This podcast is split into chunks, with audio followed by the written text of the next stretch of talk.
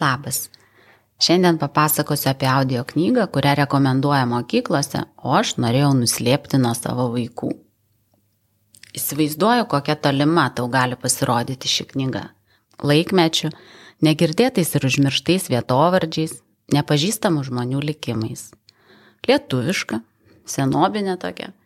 Kam ir kodėl norėtųsi jos klausytis dabar?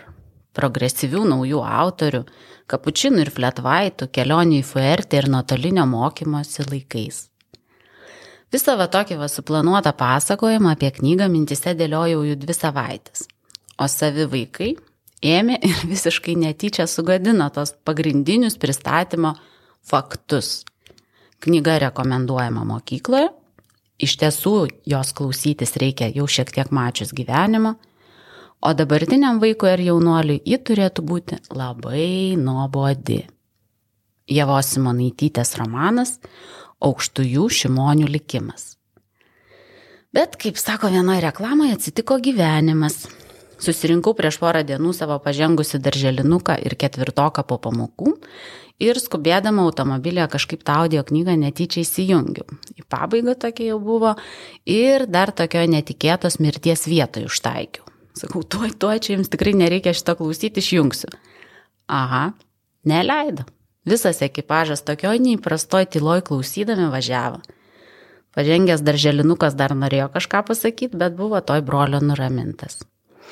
Nežinau, ar taip atsitiko dėl labai kabinančios pasakojimo vietos, ar dėl užburiančio Aldonos Vilutytės balso, tobulai pasirinkto kiekvienam personažui, bet panašu, kad klasika yra klasika nepavaldi amžiui.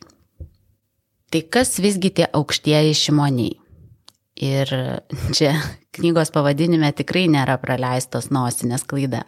Jie ne aukštieji, o iš aukštųjų, mažosios Lietuvos kaimo, kurio nėra. Pirmame Javos Simonaitytės romane Aukštųjų šimonių likimas pasakojamas septynių senos giminės kartų istorija. Atskleidžia viso krašto mažosios Lietuvos tragišką likimą. Už šį kūrinį 1936 metais autoriai skirta Lietuvos valstybinė literatūros premija. 18 amžiaus pradžia, Maras, po jo krašto užplūdę kolonistai, germanizacija, svetimos kultūros veržimasis į vietinių gyventojų gyvenimą. Veikiama protestantų bažnyčios ir Prūsijos valstybės mažojoje Lietuvoje iš tiesų susiformavo labai savita lietuvių kultūra, kuris skyrėsi nuo katalikiškų didžiosios Lietuvos regionų. O aš nuo pat savo vaikystės vokiškame raudonų plytų name su aukštais langais ir senu pieninu Golden Memel, auksinė klaipėda, turėjau progą tuos skirtumus pajusti pati.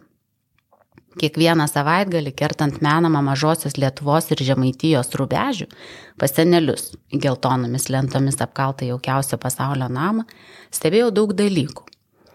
Vienur turgaus aikštė ketvirtadieniais atgyja tą pačią tarmę, o kitur tik užstalėse per šventes paaiškėja, kas žemaitis, kas aukštaitis, o kas kaip mano antroji močiutė dzūkiškomis dainomis virkdo. Vienur dailios bažnytėlės, daugiau gėlių ir daug panašių geltonų namelių, o kitur tarp alytnamių, fermų ir keletą daugiabučių lik ne vietoj puikuojasi už visus senesni, bet tvirtesni ir gražesni pilkai nutinkuoti arba raudonųjų plytų aukštalangiai namai. Ir bažnyčių ten tik prisiminimas arba koks bebokštis sandėlis likęs. Senelių kaime su kaimynu prie tvaros galima ir laikus prie smetonos aptarti, o Raudonojo namo miestelėje istorija keistai išsisloksnevusi. Vietiniai prisiminimai geriausiu atveju siekia keletą dešimtmečių ir skubiai grįžta į kitas vietas. Senus namus, iš kurių išginė tremtis, karas ir geresnio gyvenimo paieškos. Tarsi vienur nuo seno gyventa, o kitur visi tik prieš 50 metų į tuščią vietą subėgo, iš kur tik galėjo. Kodėl? Kas buvo tie žmonės, kurie anksčiau gyveno šiame keistai ištuštėjusiame ir vėl apgyvendintame krašte? Kur dingo tos jėvės, ėtmės ir anskiai? Lietuviai ar lietuvininkai? O gal visgi prūsai? O gal jau vokiečiai, kurių palikuonis dar atvažiuodavo ekskursijų autobusais prie mano raudonojo namo ir lik rodydavo, čia, čia gyveno. Prie tos dingusiųjų krašto istorijos nuo 18 amžiaus pradžios iki beveik 20-ojo ir prisiliečia Jėvos Simonaitytės romanas. Knyga lik ir ne apie istorinius įvykius, o tiesiog apie žmonės, jų kasdienius darbus, nuoskaudas, kaimynų apkalbas, meilę ir garbę. Ir už tos gyvenimo tekmės į nugarą kvepuojantį likimą. Jeva Simonaitytė, aukštųjų šimonių likimas Skaito Aldona Vilutytė, knygos trukmė 10 valandų 28 minutės, nemokamos ištraukos trukmė 45 minutės. Dabar bažnyčia mano miestelėje vėl puikuojasi ne sandėlio gerybėmis, bet koncertais ir naujų bokštų. Gėlių spėjų irgi ne ką mažiau nei kur kitur Lietuvoje. Bet jei važiuosi panemoniais į Klaipėdą arba iš Žemaitijos per kaimelius jūros link, atkreip dėmesį, kada aplink bažnyčias besibūrenčių kaimo namukų jaukumą pamažu keičia tokie lik vienos gatvės miesteliai arba vienkiamiai su raudonplyčiais namais.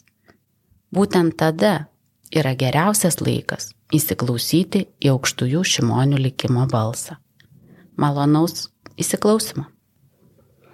O kitą savaitę vienai par kitaip, bet nusimato audio laiškas apie hitą.